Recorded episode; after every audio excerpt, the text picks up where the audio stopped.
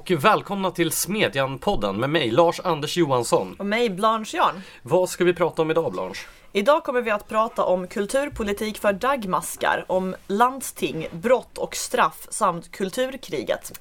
Det låter ju outsägligt spännande. Men Särskilt landstingen.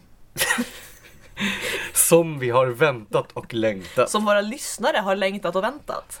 Men först då, vi har ju haft julfest i veckan. Det var en bra fest. Ja, men det var inga skandaler i år.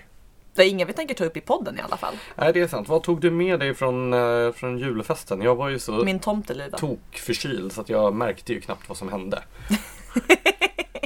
Ja, det, alltså, jag tror inte det syntes så mycket att du var förkyld förutom det här att dina ögon blir så små när du är sjuk. Ja, det var en lyckad fest i alla fall. Det bästa med de här julfesterna som Smedjan arrangerar, jag menar det här är andra gången vilket betyder att det numera är en tradition. Oh ja. Det är ju att eh, det får effekten att folk hör av sig och vill skriva i Smedjan för att få komma på vår julfest. Ja, alltså jag har fått minst fyra, fem sådana förfrågningar. Kan inte jag skriva någonting? Så jag kan komma och festa med er. Det, och är, ju en fantastisk julfest. Det är en riktigt, riktigt bra julfest. Eh, och sen står man där och blickar ut över havet av alla våra skribenter och känner att vi kanske har Sveriges bästa samling frilansare. Ja, absolut, så är det ju. Eh, vad kännetecknar en bra julfest? Ehm, alltså jag är ju rätt så här mat och dryckorienterad. Nej. Nej men det är så ett, ett schysst julbord och en god julöl. Vi fortsätter då med regeringsbildningen. Den har vi talat om förut i podden, eller hur? Mm. Det Eller här- alltså vi har ju talat om dess frånvaro. Det här tar ju aldrig slut. Stefan Löfven skulle presentera sitt regeringsalternativ i måndags men fick uppskov till i onsdags och nu fick han uppskov igen till... Fredagen. Vad är det som händer egentligen? Eh, ja, alltså vad jag tror händer är väl att han och Annie Lööf håller på och förhandlar om det sista inför att det bildar regering tillsammans. Jag mötte faktiskt Andreas Norlén när jag var på väg till jobbet i morse. Han kom gående i Gamla stan och han såg mycket sammanbiten ut. Inte som den glada gamäng som han brukar vara när han framträder i TV. Det säger så mycket när man stöter ihop med politiska personer i eh, Alltså ute, i, ute på gator och torg liksom. Eh, eftersom deras ansiktsuttryck kan säga så mycket om det politiska läget. Berättade jag att jag nästan gick in i Jonas Sjöstedt eh, eftersom vi bor i samma del av stan för närvarande. Eh, när jag var på väg till tunnelbanan en vecka före valet. Han såg också rätt sammanbiten ut och då kände jag mig lite lättad. Sen gick det ju väldigt bra för hans parti ändå. Ehm, en annan gång så såg jag eh, fackbasen Karl-Petter Thorvaldsson gå runt och skina som en sol. Och då kände jag mig lite orolig istället. Du ser i alla fall alltid arg ut, så våra meningsmotståndare kan ju gå runt och vara lugnade av den åsynen. Det är mitt sätt att invagga dem i falsk säkerhet. En person som har goda skäl att se nöjd ut är i alla fall Kristdemokraternas partiledare Ebba Busch Thor som har gått om alla andra partiledare i förtroendemätningarna, eller hur? Ja, eller hon eh, ligger väl kvar på samma procent. Hon och Löfven ligger på samma procentsats nu, 33 procent. Eh, enligt, jag vill minnas att det var en Novus-undersökning, men hon har ju gjort ett så här rakethopp från 20 till 33 procent. Var det Ehm, inte Sifo? Nej, det här var, det här var Novus. Tr- Jag är typ 90 procent säker på det. Varför tror du att folk har så stort förtroende för henne? Kristdemokraterna var ju nästan uträknade före valet innan de spurtade där på slutet. Ja men dels tror jag att själva spurten var förtroendeingivande men sen handlar det kanske också om att hon har hållit fast eh, ganska tydligt vid sin egen politik eh, och inte så här, hon har inte kastat den över bord bara för att fel andra partier eh, råkar stödja samma linje. Vilket också kan förklara varför Annie Lööf plötsligt har störtdykt från 33 till 26 procent. Det måste ju bero på centerhatet. Det förstås, Centerhatet, det har du rätt i. Det har man ju hört om. jo, det har man ju sett en enda karikatyrteckning som bevis på. Ja, den brukar återkomma i SVTs talande program Agenda. Den här karikatyrteckningen på Annie Lööf som alltid framhålls som beviset på centerhatet. Där hennes kappa är fodrad med socialdemokratiska rosor som ska kunna vända den efter vinden. Väldigt vitsigt. Exakt. Ytterst hatiskt. Eh, Men vad jag tänker på Eh, som också anknyter till det här, det är en SIFO-undersökning jag såg i mitten av oktober. Eh, enligt vilken Löf är den partiledare som väljarna pekar ut som mest skyldig till att vi inte har en regering. Har väljarna rätt i det? Så eh, hon är väl den som har obstruerat mest sedan väljarna sade sitt vid valurnorna. Det får man väl ändå säga. Jag är beredd att instämma i det. Eh, ytterligare problematiskt blir det väl nu när eh, Moderaterna och KD har gått fram med en egen budget som ska, eh, riksdagen ska rösta om i nästa vecka. Och Sverigedemokraterna då har haft den dåliga smaken att deklarera att de faktiskt tänker rösta för den här budgeten. Attans, då måste ju Liberalerna och Centerpartiet rösta mot den. Ja, för annars riskerar de ju att rösta för samma sak som Sverigedemokraterna har Och då har det för. blivit nazister. Ja, åtminstone så kommer de på något sätt att ha smittats av att ha intagit samma ståndpunkt som Sverigedemokraterna. Så att eh, för M och KD hade det väl varit bäst om eh, SD hade suttit stilla och varit tysta så att eh, Centerpartiet och Liberalerna hade kunnat ta ställning i godan ro till själva budgetförslaget och inte till i vilket sällskap de eventuellt skulle hamna. Jo, kanske. För det är ju tydligen värre att driva sin egen politik om man riskerar att andra röstar för den. Än att driva någon annans politik så länge andra röstar mot den. Precis. Alltså tänk dig att någon så reser i tiden från typ för 50 år sedan till dagens Sverige och frågar vad vi håller på med. Alltså hur ska man ens förklara det då? Jag skulle ju för sig gärna resa tillbaka till för 50 år sedan och fråga vad tusan de höll på med då också. Det var ju mitt under Tage Erlanders uppbyggande av det starka samhället som det kallades. Som då, And how did that work for him? jo, det blev ju onekligen ett starkt samhälle, men frågan är vilket samhälle? Och- eller en stark stat blev det ju i alla fall. Jo, men det brukar ju ofta stå i motsatsförhållande till ett starkt samhälle. Eh, En annan sinister logik det är ju att även om de eh, svenska skatterna höjs så är det andra som höjer skatterna mer. Och det är populärt att tala om till exempel relativ fattigdom och sådär. Och då är ju även då relativt skattetryck en relevant faktor. Och faktum är att Frankrike nu har gått om både Danmark och Sverige vad gäller skattetryck och har nu världens högsta skatter. Är det något land jag kunde vänta mig skulle gå om både Danmark och Sverige vad gäller skattetryck så är det ju Frankrike. Jag tänker att eh, det ändå är intressant att det här sker nu då när Frankrike har den pojkbandsliberale guldgossen Emmanuel Macron vid rodret. Som för övrigt på proletärens ledarsida anklagas för nyliberal politik. Ja, det var ju han som skulle vara så liberal och frihetlig. Ja, han var frihetens fanbärare och nu var populismen för, eh, för alltid stoppad i grinden och så vidare. Samtidigt, ur vårt perspektiv finns det ju nästan någonting lite skönt med det här. För att det är ju ofta lättare att uppskatta sin egen situation om någon annan har det värre. Ja men typ, du vet, man är förkyld och så plockar man fram Solzhenitsyns Cancer Ward och läser den och inser att det hade varit ännu värre om jag var cancersjuk i Sovjetunionen. Jag vet inte riktigt om jag tycker att skatten känns lättare att betala bara för att jag vet att Inte lättare att- betalar mer. Inte lättare att betala, men det är nog någonting med tanken på att andra har det ännu värre än jag. Så att Som det, hjälper lite. Vad är det här för gammal socialdemokratisk syn? Eh, Alltså jag tänker på detta med att fattigdomen fördrages med jämnmod om den delas av alla. Nej, Nej, jag nej, jag menar nog- inte att det ska vara lika illa för alla. Alltså, en socialdemokrat tycker ju det är jobbigt att tänka sig att andra har det bättre. Jag tycker bara det kan vara enk- bli enklare om man tänker sig att andra har det sämre. Det är ju det är kanske samma mynt men det är olika sidor. Alltså jag unnar nog eh, även fransmännen skattesänkningar. Ja, Där- fast du har ju drabbats av alla deras flygstrejker. Mycket värre än de flesta andra. Du borde ju inte unna dem det. Jo, alltså kanske inte just de som flygstrejkar i Marseille, men eh, det är ju det är ju talande att när man höjer bränsleskatterna i Frankrike då går fransmännen man ur huset och protesterar medan det tycks ju inte finnas någon gräns för hur långt man kan gå i Sverige med den här typen av förmyndarpolitik. Eh, nu har ju Macrons regering gått ut och sagt att de inte kommer att genomföra de aviserade höjningarna av bränsleskatterna. Så det verkar ju som det här med att gå ut och bränna bildäck och resa giljotiner fungerar. Alltså har, kan du komma på någon gång man i Sverige har demonstrerat mot en skattehöjning eller för en skattesänkning? Alltså det närmaste jag kommer att tänka på är ju naturligtvis löntagarfondsmarschen 1983. Fast det var ju inte direkt en Nej, skattefråga. nej, jag sa det närmaste jag kommer att tänka på.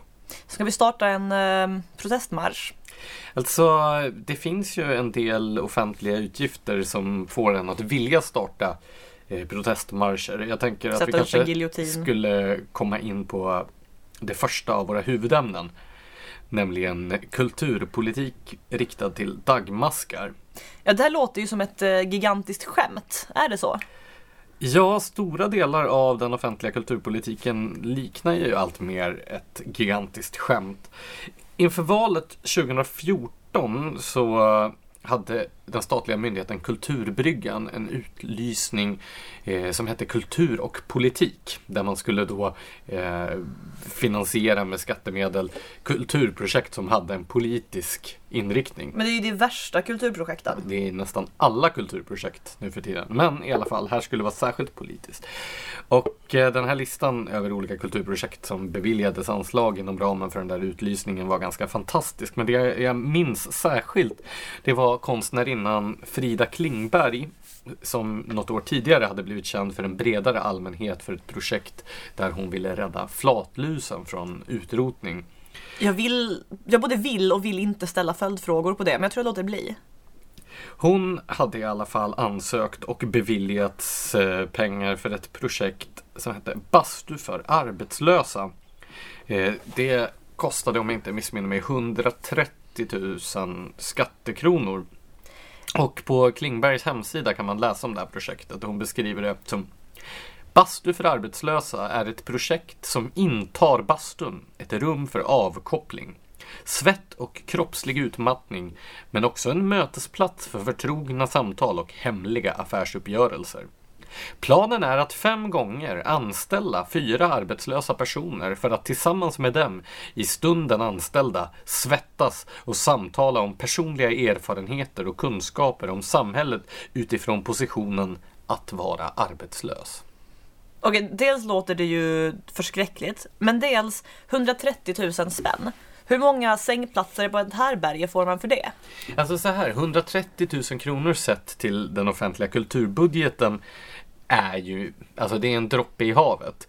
Eh, den offentliga kultur, eh, det offentliga utgifter till kulturområdet utgick 2017 då, alltså som är det senaste vi har en sammanställning av, eh, till mer än 28 miljarder skattekronor. Så att 130 000 kronor sett i det perspektivet är väldigt lite, men det finns ett oändligt antal projekt av den här sorten där ute. Men jag fastnade just för bastu för arbetslösa för att det var väl ett av de mer absurda. Men när man då går runt och tror att saker och ting inte kan bli dummare. Du vet att man, när man tror att det inte kan bli värre så blir det alltid värre, eller hur? Det var länge sedan jag trodde att det inte kunde bli värre. Ja. Jag tror jag var två år då. Eh, Det var inte så fruktansvärt länge sedan. Vad rolig du är! Tack. Hur som helst. 2018 beviljar Kulturbryggan, som nu har flyttat från Kulturdepartementet till Konstnärsnämnden, men fortfarande fördelar skattemedel till olika konstprojekt. Eh, 2018 då beviljar Kulturbryggan en miljon 30 000 kronor till ett konstprojekt för en konsthall uppe i norra Kvarken söder om Umeå. För ett konstprojekt som vänder sig till dagmaskar och småkryp. Men alltså vad i helvete, Alltså, förlåt men jag- det här är så, det här är så sjukt. Alltså dagmaskar bara- har inte ögon. Jag vill bara inskärpa att dagma, så att lyssnarna förstår, dagmaskan och småkrypen är alltså tänkta som publik.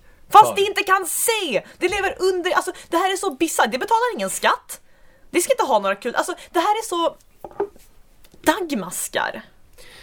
Så jag ser det här som det som jag brukar kalla för blankettkonst. Det är konstprojekt som skapas för ansökningsblanketterna.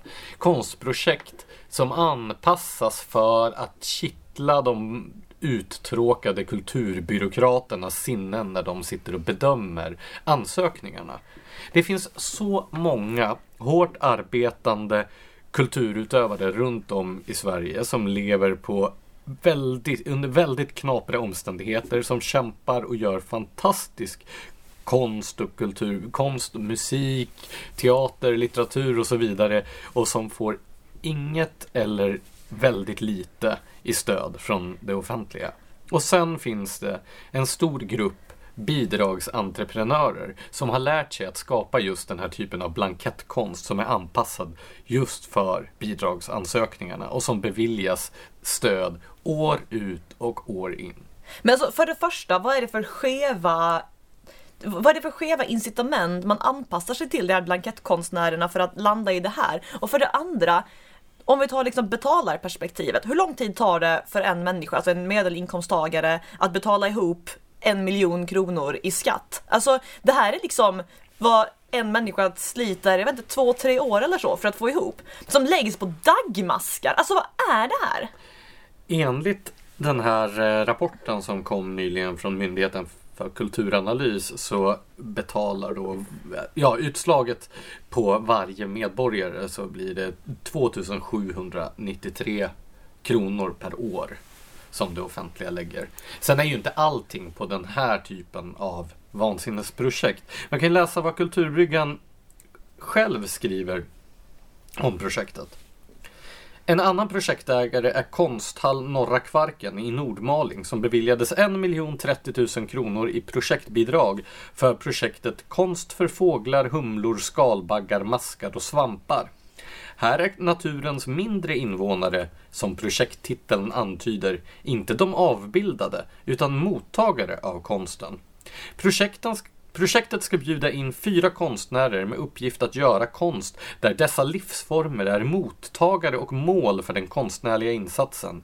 Fråga sig vad som är stort och vad som är litet, vad som är upp och vad som är ned, vad som är gult eller blått. Här måste man också fråga sig, inte bara vad konst är, utan om konst finns överhuvudtaget. Jo, det börjar jag verkligen undra. Alltså, hur mycket sa du att det var per person och år nu igen? 2793 kronor per person och år alltså, ligger det offentliga på kultur. Grejen, här, grejen är att det här är ju inte en orimlig summa för en individ att lägga på kultur under ett år. Alltså det, jag tycker inte det låter som en konstig ekonomisk nivå. Jag skulle nog tro i och för sig att en genomsnittlig medborgare lägger mer än så av privata pengar på sin kulturkonsumtion. Jo, alltså förmodligen med så musikkonserter och sådana grejer.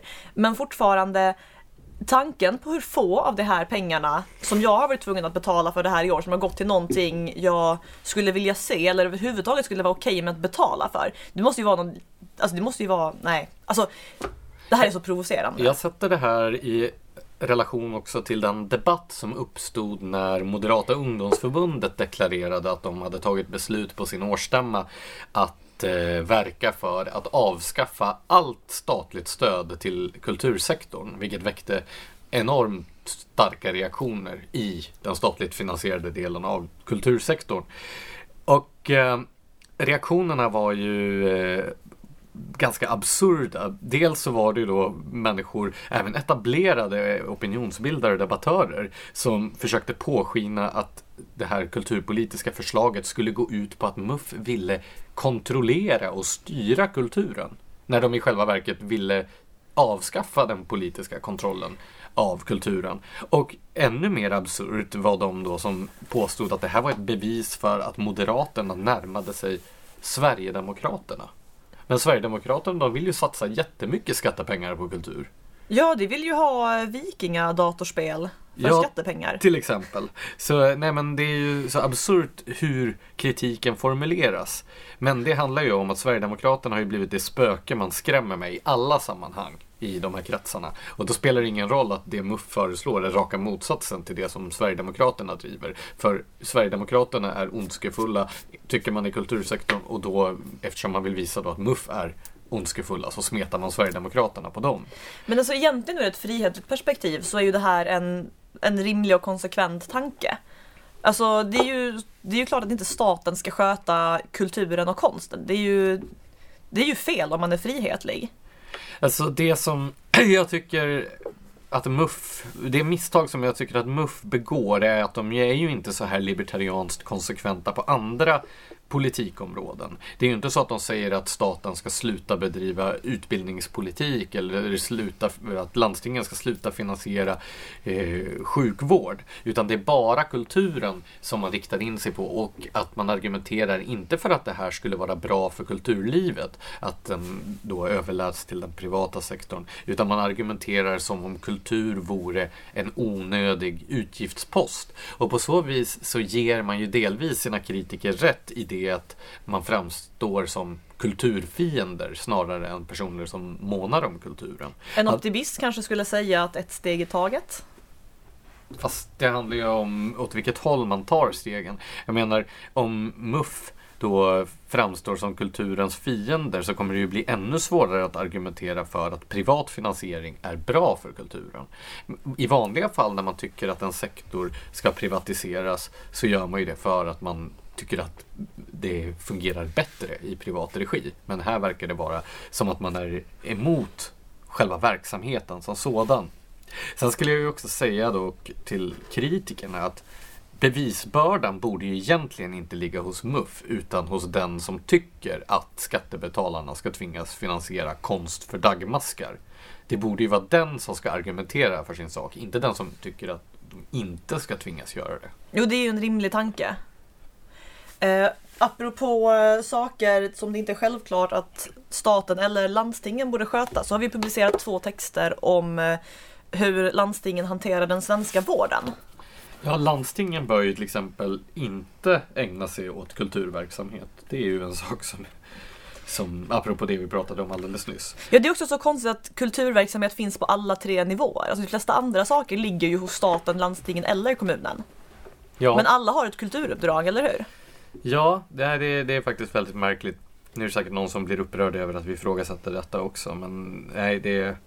Eh, men vi har haft två texter i alla fall på, på landstingstemat den sista tiden. Det ena var David Eberhards krönika om hur landstingen utgör något slags planekonomi i miniatyr som går ut över både då den helt offentligt drivna vården och privata utförare inom ramen för upphandlingssystemet. Eberhard talar ju då i egenskap av eh, överläkare inom psykiatri så han har ju konkreta erfarenheter av detta.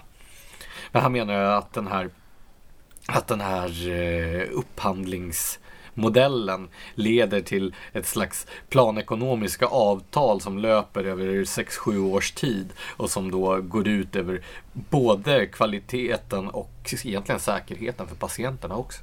Ja, han beskriver ju en sorts rävsax där dels det ekonomiska utrymmet minskar samtidigt som möjligheten att göra kvalitativa saker också krymper så att man, alltså verksamheten äts liksom upp från två håll. Eh, till exempel så tog han upp det här att landstinget nu kräver att de privata aktörerna själva ska bekosta det läkemedel de skriver ut och då skapar man ju incitament att skriva ut billigare läkemedel som kanske är sämre i vissa fall. Eh, eller att eh, det på många ställen har slutat ge högre ersättning för läkarbesök. Så att även om läkare kostar dubbelt så mycket som en sjuksköterska och folk ofta vill och behöver gå till en läkare så skapar man ett system där man Alltså där möjligheterna för det minskar. Um, vi hade en annan text om det här som var lite mer, eh, som var lite längre och mer ingående av en eh, professor emeritus i civilrätt, Torsten Sandström. Um, och han beskriver vad det egentligen är som gör att landstingen är så dyra och ineffektiva. Han menar att det handlar om dels administrationsbördan, dels byråkratin och dels hur politiker utan expertkunskaper men som ofta sitter på fackliga sympatier eh, låter andra ideal än en effektiv vård ibland styra vården. Vad då för ideal till exempel? Ja men Ja, men dels så tar han ju upp sån här policyproduktion, eh, värde, värdegrundsarbete, Eh, han uttryckte det så här, byråkrater kostar inte bara den egna lönen utan skapar regler, enkäter, blanketter, konferenser, sammanträden och annat som tar personalens tid i anspråk. Alltså det finns ju en tendens hos byråkratier att bara växa och växa och växa. Eh, och inte då för att själva verksamheten kräver det utan för att byråkratin i sig kräver det. Han beskriver till exempel hur eh, de här 21 jättestora landstingsorganisationerna eh, totalt har över 150 välbetalda lands- landstingsråd, ungefär 2000 fullmäktige ledamöter totalt. Och alla det här liksom lever ju på det här systemet. Eh, mängden administratörer, skriver han, har vuxit med cirka 36 procent till 44 000. Är inte det här väldigt märkligt ändå? Att ju mer då digitala och tekniska lösningar det finns för att sköta just administration som borde ju då underlätta. Jämför med den, på den, med den tiden när folk satt och skrev saker med skrivmaskin och hanterade papper hela tiden. Ändå så växer antalet administratörer hela tiden. Trots att så mycket nu kan skötas digitalt. Vad är det, varför måste allting administreras så till förbannelse? Men alltså man får ju intrycket av att alltså, administrationen blir en sorts självändamål. Att så här, administrationen i sig måste administreras och själva verksamheten blir lidande. Och som om det inte vore nog så har ju också landstingen och kommunerna en egen samarbetsorganisation som heter SKL som har 1100 egna tjänstemän anställda för att administrera alltsammans. Ja, precis. Och producerar en massa policy och under tiden så ligger läkarbesöken i Sverige, och alltså det här är en så bisarr siffra. Läkarbesöken i Sverige per, eh, per läkare och år ligger alltså på en tredjedel av genomsnittet i OECD. Alltså vi skulle behöva vi skulle behöva tre gånger så många läkarbesök per läkare för att ens komma upp i snittnivån. Trots att vi har en av de dyraste vårdapparaterna i EU. Alltså någonting är ju riktigt, riktigt skevt här. Men där var väl också avskaffandet av läkarassistenterna ett problem. Alltså att läkarna själva fick utföra en massa administrativa uppgifter som man inte behöver ha en läkarutbildning för att, för att utföra. Men det känns ju som slags- väl spenderade timmar. Ja, men där har varit samma sak i andra delar av offentlig sektor. Poliser utför till exempel en massa eh, rent administrativa uppdrag som man inte behöver vara polisutbildad för att göra och så vidare. Ja, och det här med lärarassistenter var väl på tapeten för ett par år sedan också.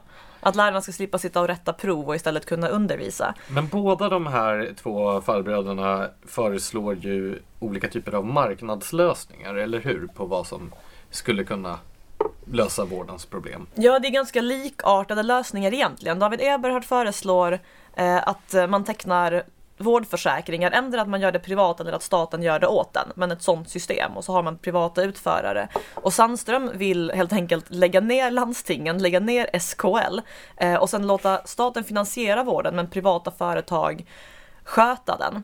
Och det lägger ju fram ganska goda argument för det här, så jag undrar, finns det egentligen några bra argument för att behålla landstingen?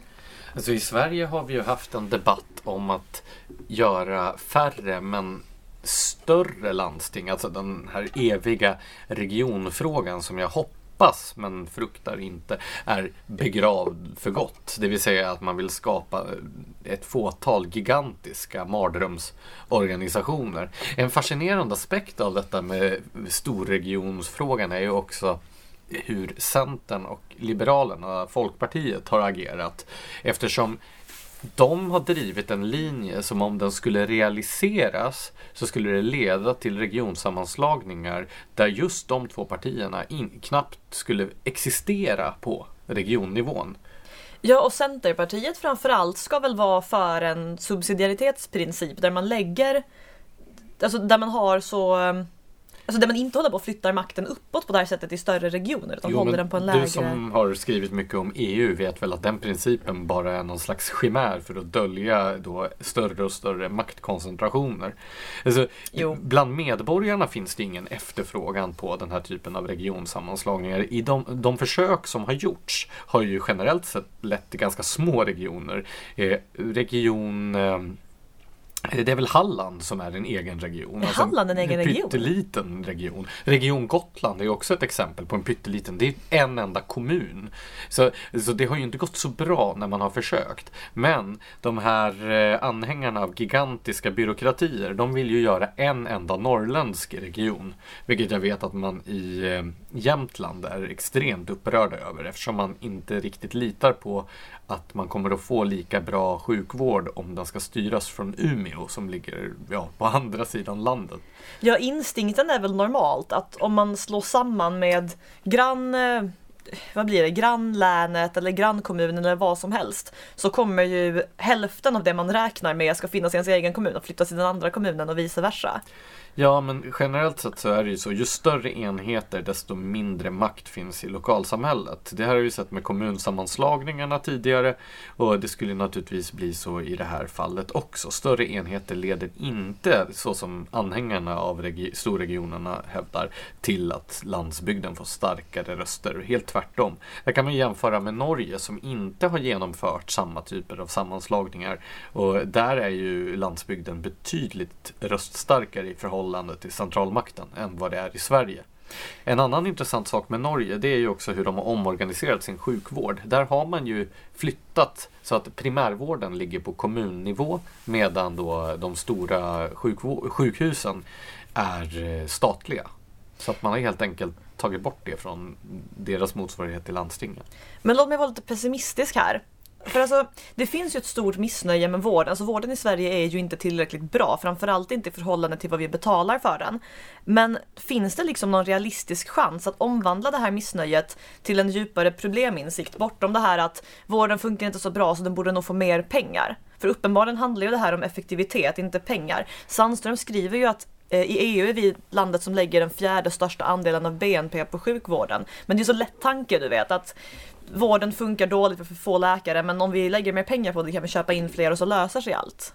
Ja, men jag tycker ändå att den här insikten börjar sjunka in i allt bredare kretsar om att det inte är en resursfråga som är, alltså det är inte resursfrågan som är Sveriges problem i välfärden.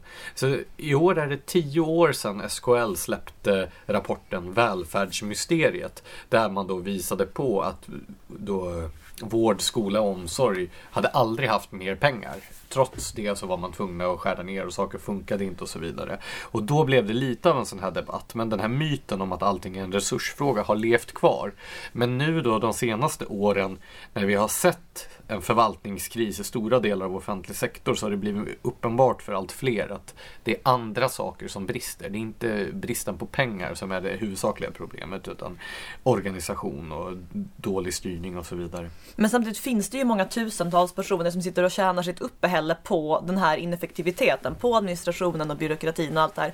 Och det har dels en sorts expertroll i frågan, vilket ger dem tyngd i debatten och det kommer ju kämpa med näbbar och klor för att behålla systemet ungefär som det är så det inte ska behöva söka sig någon annanstans. Det är ju så med alla byråkratier. Ja, en, om vi återknyter till kulturpolitiken som vi talade om tidigare så när man genomförde den här kultursamverkansmodellen. Det är ett fruktansvärt tråkigt ord.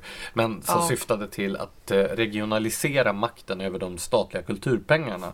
Så en av de omedelbara konsekvenserna av detta var ju att det byggdes upp regionala kulturbyråkratier för att kunna administrera detta. Så det anställdes en massa byråkrater. Och det här är ju ett generellt problem i kultursektorn, alltså den offentligt finansierade kultursektorn, att det är ganska lite pengar som hamnar hos de som utövar kulturen, alltså hos konstnärerna och författarna och musikerna och så vidare. Eh, medan det finns en svällande byråkrati av handläggare och andra som ska då administrera det här. Jag tänker att när när människor spontant tänker på att det är bra att det offentliga satsar pengar på kultur, då tänker de ju att pengarna så att säga går från skattebetalaren till kulturutövaren. Men i själva verket så är det ju väldigt mycket som fastnar på vägen i en apparat som jag tror att ingen egentligen har önskat sig. Det skulle egentligen vara en intressant grej att kolla upp hur det ser ut i olika sektorer. Så här, per betalad skattehundralapp, hur mycket når det faktiska utövarna? Alltså hur mycket når läkarna, hur mycket når kulturutövarna och sådana saker. En annan sak vad gäller landstingen det är ju då den här frågan varför ska då så disparata verksamheter som kollektivtrafik, sjukvård och kultur organiseras i samma geografiska enheter. Jag bodde ju i Uppsala under ett antal år och där blir den här konflikten så, så uppenbar eftersom då kollektivtrafiken har ett intresse av att vara sammanknuten med Stockholmsregionen eftersom det är jättemånga som pendlar mellan Storstockholm och Uppsala. Uppsala är ju i praktiken en del av Storstockholm rent arbetsmarknadsmässigt. Men sjukvårdsmässigt så är ju eh, landstinget livrädda för att sugas upp i Storstockholm eftersom man då eh, är oroliga för att Akademiska sjukhuset som ju är en väldigt betydelsefull institution i Uppsala skulle då underordnas Karolinska eller hamna i någon slags konkurrenssituation. Så där har man istället ett behov av ett upptagningsområde som riktar sig uppåt mot Gästrikland och Dalarna och Västmanland och så vidare. Så att det finns en geografisk konflikt där mellan regionen för kollektivtrafik och regionen för sjukvård. Ja, sen tänker jag också att vård vill man ju ha så nära sig själv som möjligt medan kollektivtrafik vill man ha eh, alltså så sammanknutet med resten av världen som möjligt och liksom så långtgående som möjligt bortåt. Så, så det finns ju en inbyggd konflikt där också. Så slutsatsen är att landstingen bör avskaffas? Eller som Björn Hasselgren skrev på Smedjan för ett par månader sedan. Sänk skatten och lägg ner landstingen. Here, here. Ska vi gå in på ett annat upplyftande område, nämligen brott och straff? Det har du skrivit om i veckan, Blanche. Ja, alltså jag skrev ju om det förra veckan och så pratade vi om det i podden förra veckan. Det här med de kriminella som lever lyxliv i Malmö på skattebetalarnas bekostnad. Och du är fortfarande ilsken över detta? Nej nu har jag helt ändrat, ja det är klart jag är arg över det. Som du sa, ingenting gör mig så arg som när andra bor bra. Nej jag skojar, det finns saker som gör mig argare. Men jag noterade Eh, texten väckte en del reaktioner och jag fick väldigt många kommentarer som var alltså, så här, indignerade människor som tyckte det suger att det eller så här att vanliga hederliga människor betalar för dem som inte är vanliga hederliga människor. Men så var det också ett par reaktioner på temat här, men tänk på de stackars brottslingarna. Um, och det där, det där är så förvirrande för mig för att alltså, kriminella människor är verkligen människor som skadar andra. Det borde inte vara dem man per automatik tycker synd om i det här sammanhanget. Så jag skrev en text för att försöka reda ut vad grejen egentligen är. Alltså jag tänker till exempel på... Vad är egentligen grejen Blanche? jag tror att mycket av det här handlar om ja, men om synen på brott som en sorts produkt av socioekonomiska faktorer. Alltså jag, tror att man, jag tror inte många människor ser det så här, men jag tror att i det svenska rättsväsendet så är det en förhärskande idé att ja, men att brottslingen i sig är ett offer för sina socioekonomiska, an, alltså, socioekonomiska utgångspunkt och saker som eventuellt kan ha hänt den. Så att det är liksom samhällets fel att någon hamnar på fel sida lagen och då har samhället en sorts skyldighet att inte kanske kompensera människan för det men hjälpa den tillbaka och så.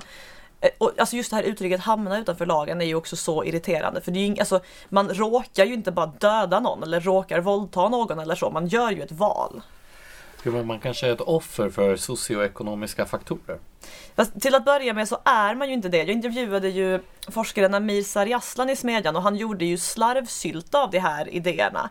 Eh, alltså om man kontrollerar för faktorer som ja, men så personliga egenskaper, diverse andra grejer. Ehm, så påverkas inte ens benägenheten att begå brott av att man till exempel bor i ett utsatt bostadsområde. Jag fick faktiskt en kommentar på Facebook till texten jag skrev den här veckan av en kille som heter Lasse Tengmark som skrev så här. Tror dessvärre att det allmänna rättsmedvetandet påverkas av det faktum att termen utsatta används för personer Eh, som staten ger en dålig prognos i livet istället för att använda den om det som verkligen eh, utsatts för något, det vill säga ett brottsoffer. Och det där är ju samma sorts terminologi som att så här, hamna utanför lagen, man är utsatt. Så, nej, det här är ju människor som väljer att skada andra. Jo, men det är ju detta som, eh, det är ett slags 70-tals synsätt som dominerat kriminologin framför allt och som sipprat in i hela diskussionen om brott och straff i Sverige.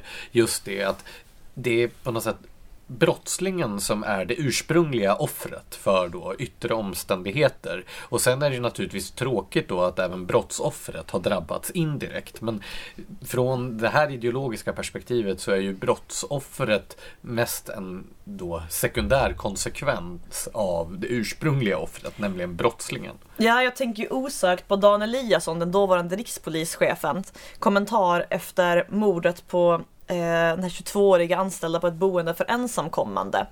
Eh, då han sa Man blir naturligtvis förtvivlad och alla inblandades vägnar. Naturligtvis den som blir dödad och dennes anhöriga. Men också för en enskild ung kille som begår en sån här förskräcklig händelse. Vad har den personen varit med om för någonting? Vilka omständigheter har den killen växt upp under? Vad är det för trauman han bär med sig? Så här, allt det här är ju naturligtvis relevanta frågor att ställa. Men det kanske inte är de första sakerna att fokusera på när man diskuterar ett sånt där fall. Nej, alltså det är så skevt att man riktar uppmärksamheten mot förövarens eventuella förmildrande omständigheter när det finns ett mordoffer, eller det kan vara ett offer för någonting annat också, men i det här fallet ett mordoffer som förtjänar upprättelse.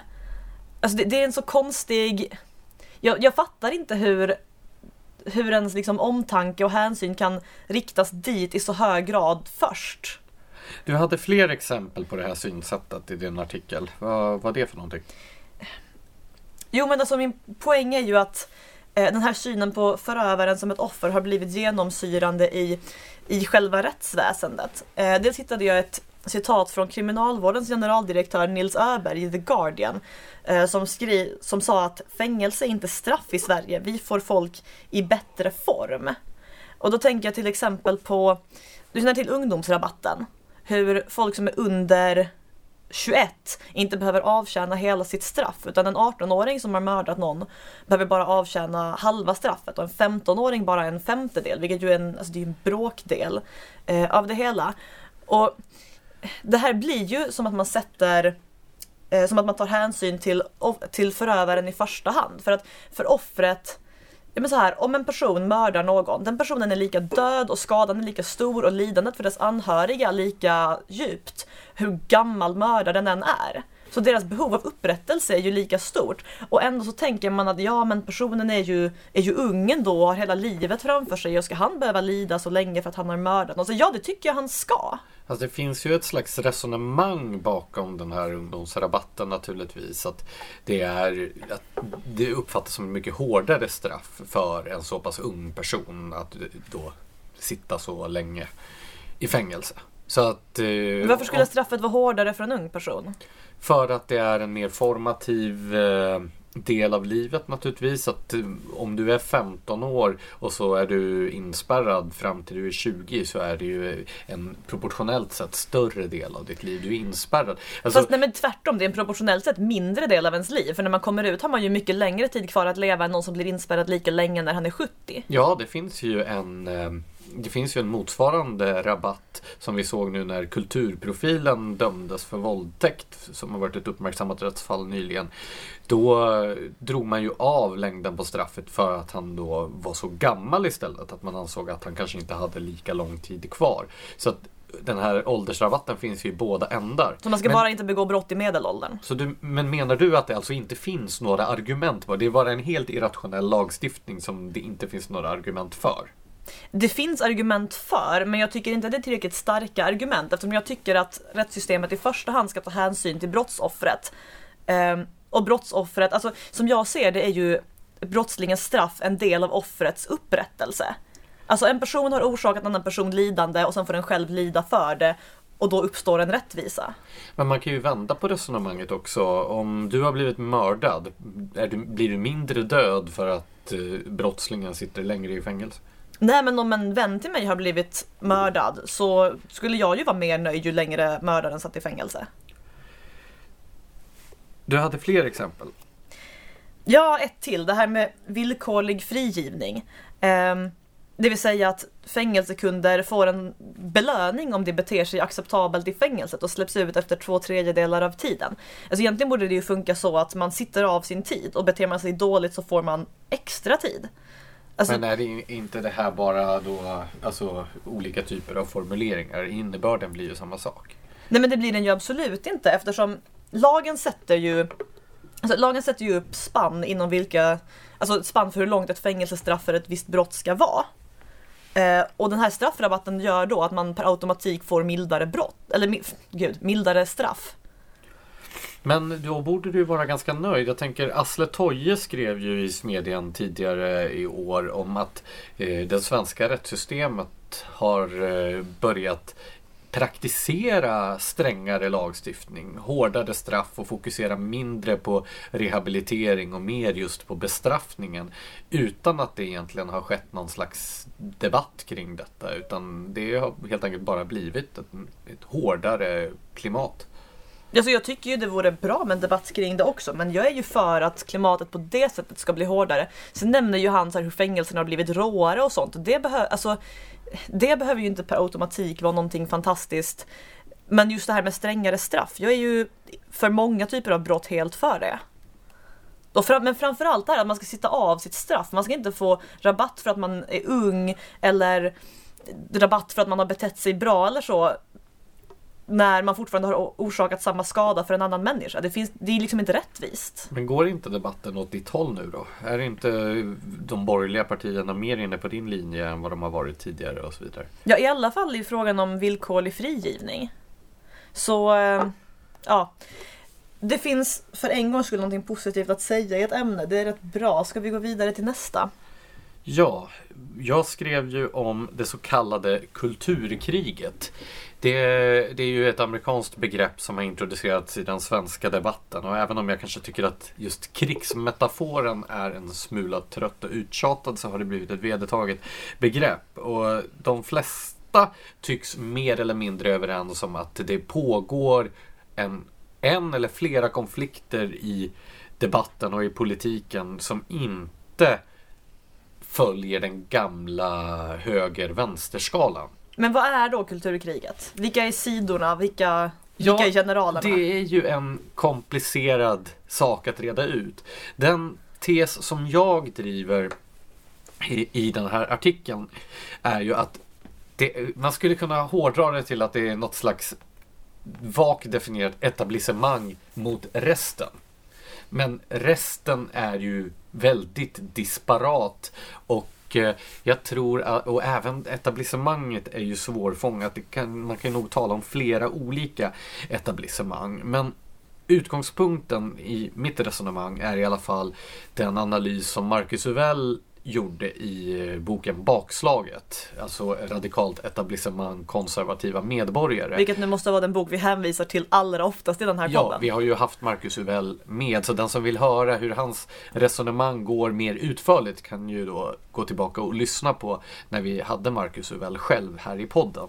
Men kortfattat så handlar det om att det, eliterna i det svenska samhället, och det här har ju sina motsvarigheter i så gott som alla västländer, har värderingsmässigt distanserat sig från majoriteten av befolkningen. Alltså politikerna har distanserat sig från sina väljare, eh, journalistkåren har distanserat sig från sina läsare och så vidare. Arkitektkåren från stackarna som måste bo i deras byggnader. Ja, precis. Alltså de grupperna som sätter dagordningen i samhället eh, motsvarar helt enkelt inte längre de grupper som påverkas av denna dagordning och det här har lett till ett omfattande missnöje. Sen tar sig missnöjet olika former av uttryck och framförallt så är det olika politiska entreprenörer och andra som profiterar på det här missnöjet. Och sen blir det ju då att när olika politiska entreprenörer, i, i, Sverige är det ju Sverigedemokraterna som är den kraft som framförallt har lyckats eh, dra fördelar av missnöjet med den här skillnaden mellan etablissemang och majoritet.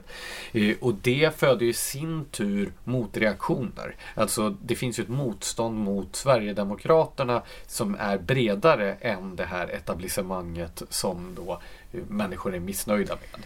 Men så kulturkriget kan alltså användas som en sorts förklaringsmodell för populismens framväxt? Ja, populism är ju ett väldigt svårt begrepp.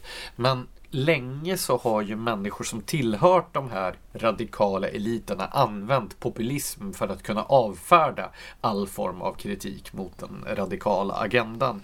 Nu börjar ju det här bli svårare och svårare och vi har ju också sett hur eh, Eh, då de etablerade partierna har fått ändra uppfattning i för väljarna centrala frågor. Vilket ju inte är särskilt konstigt i en demokrati eftersom en fungerande, i en fungerande demokrati så företräder ju de folkvalda det folk som har valt dem. Men alltså, tydliga exempel på detta är ju som i Stockholm där det finns en ganska stor majoritet som är emot den trafikpolitik som Miljöpartiet driver. Men likväl så oavsett vad folk röstar på så får de Miljöpartiets trafikpolitik. Ja, eller föräldraförsäkringen som ju alla partiers väljare har en majoritet för att få välja själva. Men som de flesta partier ändå driver att den ska kvoteras på statlig nivå. Alltså det finns ju inget man kan rösta på om man vill få välja själv. Ja, bland befolkningen i dess helhet finns det en kompakt majoritet mot tvångskvoterad föräldraförsäkring. Men bland de folkvalda i riksdagen finns det istället en majoritet för. Det här är ju väldigt bra illustrationer för just den här diskrepansen. Men kan man alltså i grunden säga att kulturkriget handlar om etablissemanget mot folket? Eller vilka termer man nu vill använda? Nej, det, det blir alldeles för... Det där, alltså folket och etablissemanget är ju en tankefigur som är grovt förenklad och som används just av de här entre, alltså, politiska entreprenörerna. Sverigedemokraterna till exempel använder ju en sån bild, men även då till exempel den kommunistiska tidskriften Proletären som jag brukar läsa med viss regelbundenhet den lyfter ju också fram den där konflikten. Folket behöver giljotiner var rubriken på en ledarartikel i Proletären nyligen. Vi och, måste steppa upp vårt game här ja. Nej, men det här är ju intressant för just de gula västarna nu i i Frankrike som är ute och protesterar och bränner bildäck och reser just giljotiner. De eh, kanaliserar i viss mån det här missnöjet med en politik som upplevs komma från ett etablissemang som inte tar hänsyn till befolkningens intressen. Men då är det ju intressant att se att helt skilda grupper, ja men från Sverigedemokrater till kommunister försöker då göra anspråk på det här folkliga missnöjet och tolka det utifrån sin ideologiska agenda. Alltså jag tycker det finns en intressant koppling här till Galtanskalan. Den har vi väl båda skrivit om. Det här att den, den är i princip ett verktyg för den som är framförallt grön att också verka, alltså binda samman sig själv med frihetliga värderingar man kanske inte alltid har, medan man vill kleta nationalism och auktoritarism på dem som är traditionalistiska. Så det här är ju en konstruktion som den ena sidan använder för att få den andra att se sämre ut. Kan man säga att eh, kulturkriget och etablissemang vs folket eh, skalan så att säga används av den andra sidan. Nej, så enkelt. På motsvarande sätt. Så, så, enkelt skulle jag inte säga att det är. Det, alltså, det är ju, eh, det är ju kreddigare att göra anspråk på att företräda folket än att företräda etablissemanget. Så även de då som företräder någon form av elit försöker ju oftast ge sken av att de inte gör det. Eh, och eh, den här galtanskalan den är ju intressant för att det är ju framförallt då de som tillhör det självutnämnda gallägret som torgför den här skalan eftersom den är ett försök, den utgör i sig ett försök att ge någon slags vetenskaplig eller empirisk eh, kredibilitet till den egna världsbilden. Men Problemet är ju att särskilt som den används i en svensk kontext så finns det ingen empirisk grund för att använda den. Den här skalan den uppfanns av några amerikanska forskare 19, äh, 1999 i en specifik amerikansk kontext där man tyckte att man hade identifierat några åsiktskluster som hörde ihop. Den fick i princip inget genomslag överhuvudtaget i forskarvärlden eller i den internationella debatten. Men 2016 så grävde statsvetare vid den statsvetenskapliga institutionen i Göteborg fram den här bortglömda skalan och använde den för att illustrera den andra konfliktlinje som finns som ju är av mer kulturell natur. Men det är alltså en skala tagen från ett helt annat sammanhang och som inte har någon bäring på varken då det 17 år senare förändrade samhället eller på det specifikt svenska sammanhanget. Och det är väldigt tydligt också att se hur den används i debatten. Eh, just som ett sätt att legitimera den här ena ståndpunkten. De som uppfattar sig själva då som gröna och eh, liksom moraliskt högstående kan använda den här för att fula ut människor med traditionella värderingar som enligt den här skalans verklighetsbeskrivning också förväntas vara auktoritära. Samtidigt som människor då som är gröna, det vill säga miljöpartister och centerpartister, det är ju de som kallar sig gröna, då enligt skalans definitioner skulle vara frihetliga. Ja, det är ju så lätt att nedmontera det här, det här godtyckliga åsiktsklustren. Alltså, du har ju dels skrivit om hur, eh, om tendensen hos gröna att åberopa olika typer av auktoritära insatser på miljöområdet. Eh, men jag kommer också att tänka på eh, när Kristoffer Fjellner för ett par månader sedan skrev en debattartikel eh, i Smedjan eh, när Nanny State Index för EU hade kommit ut och man kunde se hur benägna olika partigrupper var att rösta för eh, auktoritära inslag i livsstilspolitik, det vill säga så här, begränsningar av rökning och alkohol och fett och salt och allt möjligt. Eh, och det var ju den gröna gruppen med de svenska miljöpartisterna i spetsen som var allra mest benägna att rösta för auktoritära förslag där också. Så det, det är ju så svårt att påstå att det hänger ihop att vara grön, frihetlig och alternativ. Det finns ju ingen empiri bakom det. Nej, man har tagit en empiri från ett helt annat sammanhang som inte har någon bäring på det sammanhang där man försöker tillämpa den här och använder då det som ett argument för att rättfärdiga sin egen ståndpunkt eller ge den ett slags vetenskapligt skimmer. Ja, jag tänker att man kan ju hitta, om man åker till den här Burning Man-festivalen med alla teknikjättar i Kalifornien, så kan man väl hitta människor som kan definieras som gröna, frihetliga och auktoritära. Men i Sverige, alltså var då? Hur som helst så är den här eh, franska proteströrelsen intressant eftersom den då inte går att placera på de här skalorna som vi är, vana vid. Det, det började ju som en protest mot bränsleskattehöjningar men har ju nu blivit ett slags allmän protest mot etablissemanget. Och det är lite svårt att, att utröna vilka de är, de här personerna som protesterar. Men för det är, det är ju alltid vanskligt att säga att det är vanligt folk som går ut på gatorna. Det, det är det ju inte. Det är, men det är ju ändå människor som är upprörda från början över skattehöjningarna men eh, även i en vidare bemärkelse över den politik som man uppfattar Eh, kommer uppifrån och inte har någon förankring.